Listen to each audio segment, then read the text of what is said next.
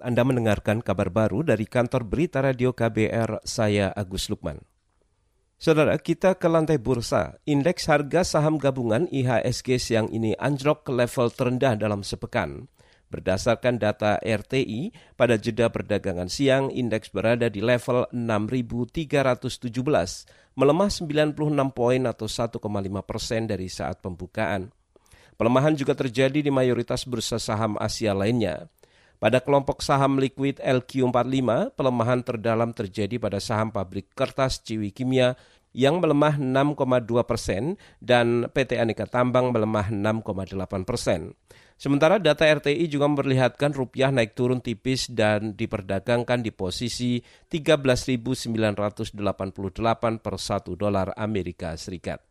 Beralih ke informasi lain, Kementerian Luar Negeri mencatat adanya penambahan kasus positif baru COVID-19 yang menimpa warga Indonesia di luar negeri. Dalam 24 jam terakhir, terdapat tujuh kasus baru terkonfirmasi positif virus corona. Penambahan kasus ini terjadi di Amerika Serikat, Inggris, dan Bahrain.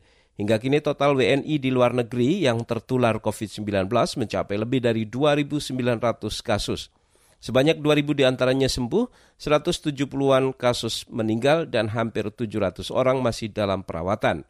WNI yang terpapar COVID-19 di luar negeri paling banyak berada di Singapura, sedangkan angka kematian WNI di luar negeri akibat virus corona terbanyak ada di Arab Saudi yang mencapai lebih dari 100 kasus kematian.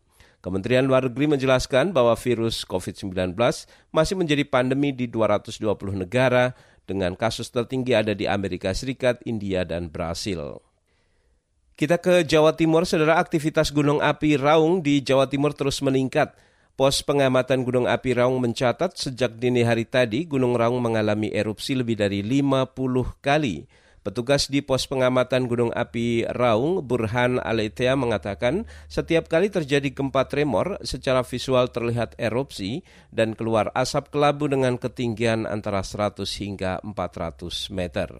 Nah, asapnya itu terlihat seperti menerus karena mungkin di atas gunungnya ini anginnya itu lemah ya. Jadi hmm. erupsi susulannya jadi kelihatan nyambung seperti itu. Begitu ada kegempaan tremor, itu pasti secara visual itu keluarlah erupsi kelihatan kolom abunya kalau 6 jam. Petugas di pos pengamatan Gunung Api Raung, Jawa Timur, Burhan Alitia mengatakan erupsi itu masih belum berdampak ke masyarakat sekitar maupun penerbangan. Hanya saja akibat erupsi itu, abu vulkanik berwarna kelabu terbawa angin mengarah ke arah timur.